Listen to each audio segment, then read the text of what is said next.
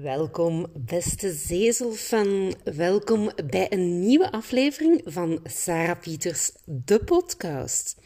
En vandaag wil ik het met jou hebben over beren op de weg. Want ja, als ik bij bedrijven kom, als ik collega-ondernemers spreek en heel eerlijk ook in mijn eigen leven, ik kom continu beren op de weg tegen. En wat zijn die beren op de weg? Dat zijn momenten waarop ons hoofd ja maar zegt. Waarop wij ja maar zeggen op wilde ideeën, op nieuwe ideeën, op nieuwe uitdagingen, op vernieuwing. Ik kom in bedrijven en als ik dan heb over innovatie of iets vernieuwen, dan hoor ik zo vaak: ja, maar we hebben dat al geprobeerd. Ja, maar we hebben daar geen tijd voor. We hebben daar geen middelen voor. Ja, maar dat gaat nooit mogen van onze baas. Ja, maar misschien lukt dat wel bij een start-up, maar in ons bedrijf niet. Ja, maar wij zijn zo specifiek.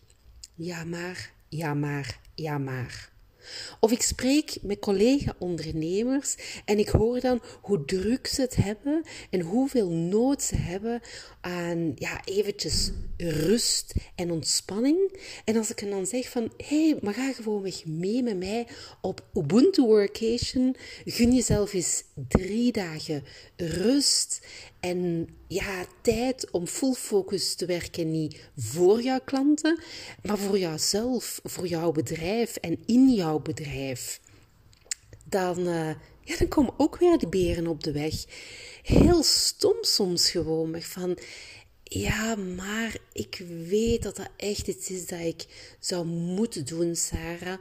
Maar ja, nu nog niet, misschien ooit, misschien later. En als ik dan doorvraag waarom, ja, echt mannekes, ik heb een paar keer de afgelopen weken al het argument gekregen van vrouwelijke collega-ondernemers. Ja, maar ik kan dat niet maken met mijn kinderen. En als je dan doorvraagt, dan, ja, dan is dat niet dat die kinderen hebben van een paar maanden oud. Nee, al kinderen van vijf, zes, zeven of misschien wel ouder. En die toch zich op een of andere manier afremmen en zeggen van nee, ik ben thuis onmisbaar als moeder. Ik kan die rol van alles klaar te zetten, s morgens de boekentas te maken, s avonds het eten te maken, niet overdragen aan mijn echtgenoot. En dan denk ik, waar is de beer? Waar is de beer op de weg? Jouw man kan dat heus wel, denk ik dan in mijn hoofd. Want ja, zo gaat het bij mij hier thuis gewoon weg. Want omgekeerd, hey vrouwen, voor die dan nog twijfelen, omgekeerd, jouw man zou toch nooit daaraan twijfelen om jou drie dagen alleen te laten met de kinderen. En ik zie het dus ook gewoon in mijn eigen hoofd. Die, ja, die beren, die ja-maars van... Mm, dit is wel een spannende post. Zou ik die wel op social media gooien? Of dit ideetje, zou ik dat wel gaan doen? Wat gaan mensen daarvan wel denken?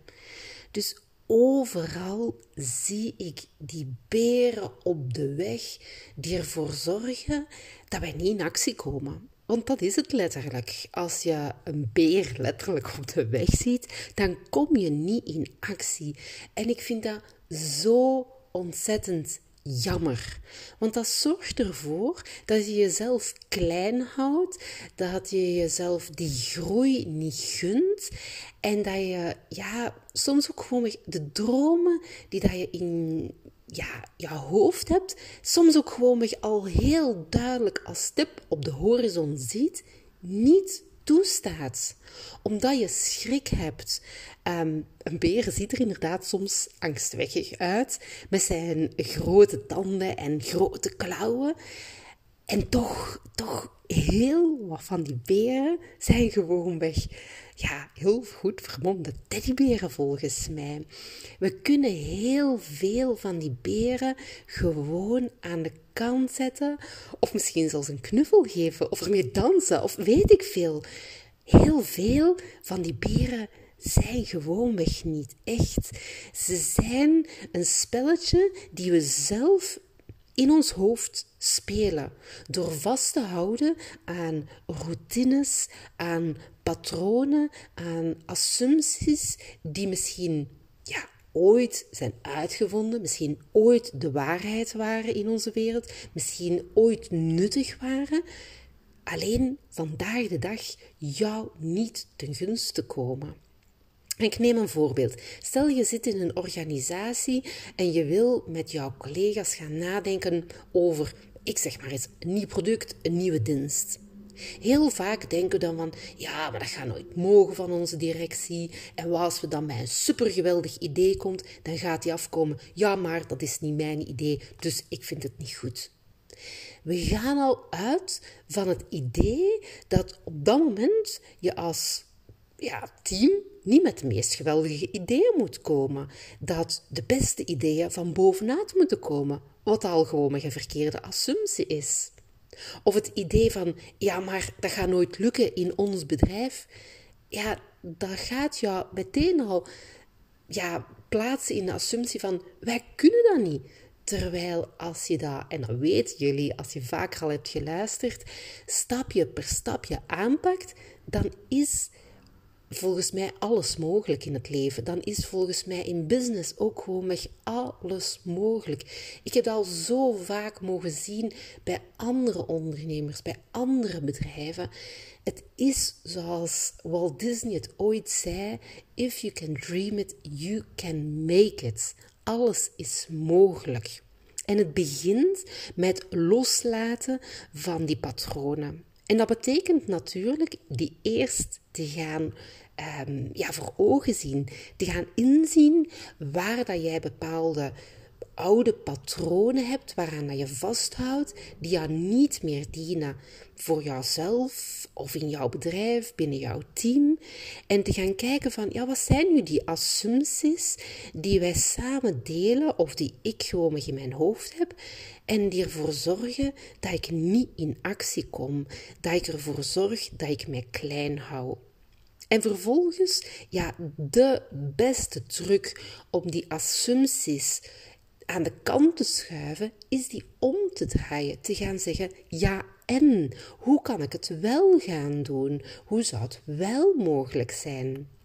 Net hetzelfde als er iemand, een collega, s morgens op bureau komt en die zegt van, ah, ik heb een geweldig idee.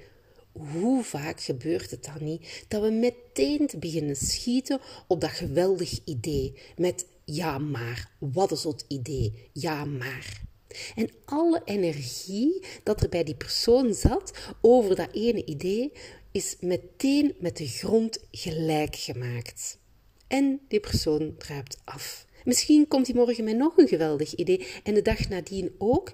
Alleen als je elke keer gaat reageren als team, als collega's, en ook gewoon naar jouw eigen bedrijven continu, continu met ja maar, ja maar, ja maar, dan gaat die energie om vernieuwend, out of the box voor de dag te komen, om nieuwe ideeën op tafel te leggen, ja, dan gaat die energie volledig uitdoven. Dus het is zo superbelangrijk om die prille ideeën, die gekke ideeën, alles waarvan je denkt van, hm, dat schuurt een beetje, of dat is een beetje spannend, of ik ben eigenlijk wel heel onzeker over wat dat reactie gaat zijn van anderen, om net die ideeën echt ter harte te nemen en die te omarmen en te zeggen onmiddellijk ja en hoe kan ik die wel realiseren? Wat heb ik ervoor nodig? Hoe kan ik dat idee nog groter maken? Hoe kan ik het realistisch maken binnen mijn context?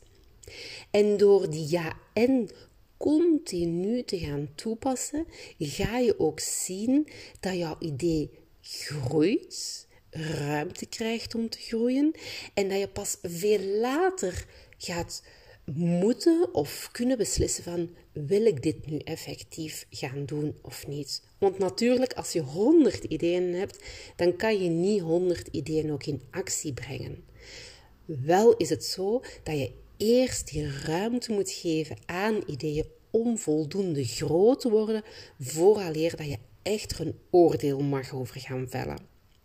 En als je zegt van, hé, hey, maar dat, ja, maar, omdraaien in ja en, dat vind ik echt moeilijk voor een uitdaging die vandaag op mijn bord ligt, ja, dan is er nog een andere strategie dat je kan gaan kiezen. En dat is de strategie van een andere route te kiezen. We denken heel vaak dat tussen waar we staan en waar we naartoe willen gaan, of waar ons doel ligt of ons droom ligt, dat er maar één route is. En dat is natuurlijk absoluut niet waar. Weet je nog, mijn grote droom? Mijn grote droom was ooit om op wereldreis te gaan met mijn kinderen en met mijn echtgenoot. En ik heb die droom jaren aan een stuk klein gehouden, enkel in mijn hoofd laten afspelen en continu ja maars op afgevuurd. Want ja, we hadden toch geen spaarrekening en voldoende buffer om een jaar op pad te gaan. En ja, hoe moest het dan met het onderwijs van de kinderen? Enkel vanuit de overtuiging dat je op wereldreis kan gaan met een grote som geld op je rekening en met de wetenschap ja, dat je dat niet kan doen als kinderen naar school gaan.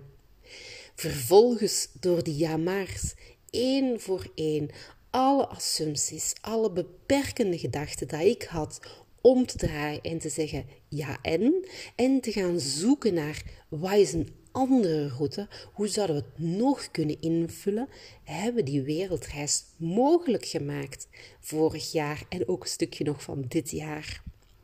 Dus je kan ervoor kiezen die beer op de weg echt, ja, gewoon weg tegemoet te gaan, te gaan omdraaien en die ja-maars om te draaien, om te denken in ja en.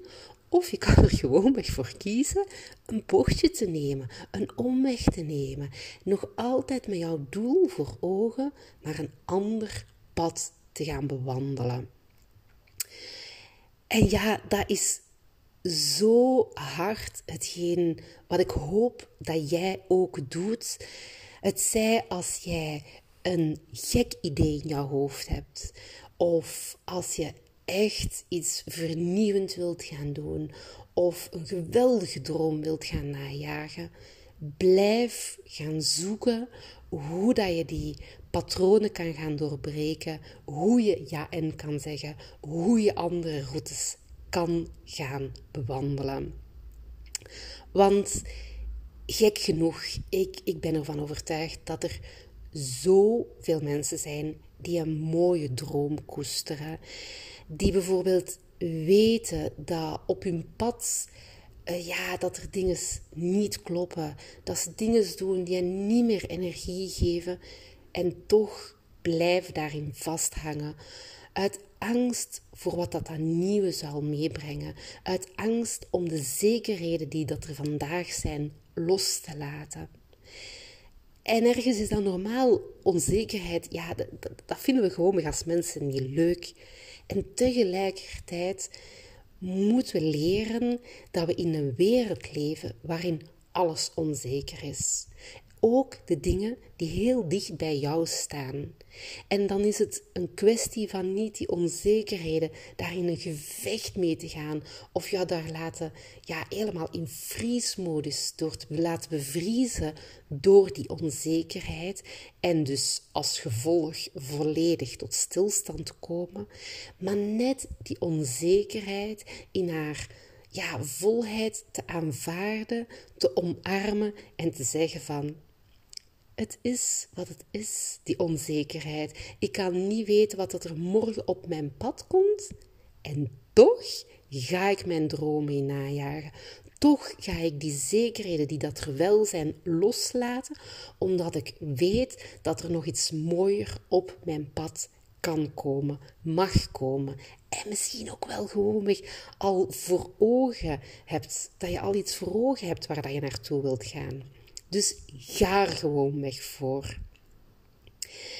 Ehm, ja, en dat is natuurlijk hetgeen wat ik jou zo hard gun. Die ja-maars omdraaien in ja. En die onzekerheid omarmen. En te gaan voor waar jouw hart nu al dat sprongetje maakt. Nu al wat harder voor gaat kloppen. En waarvan je weet, daar is iets in. Daar zit iets in.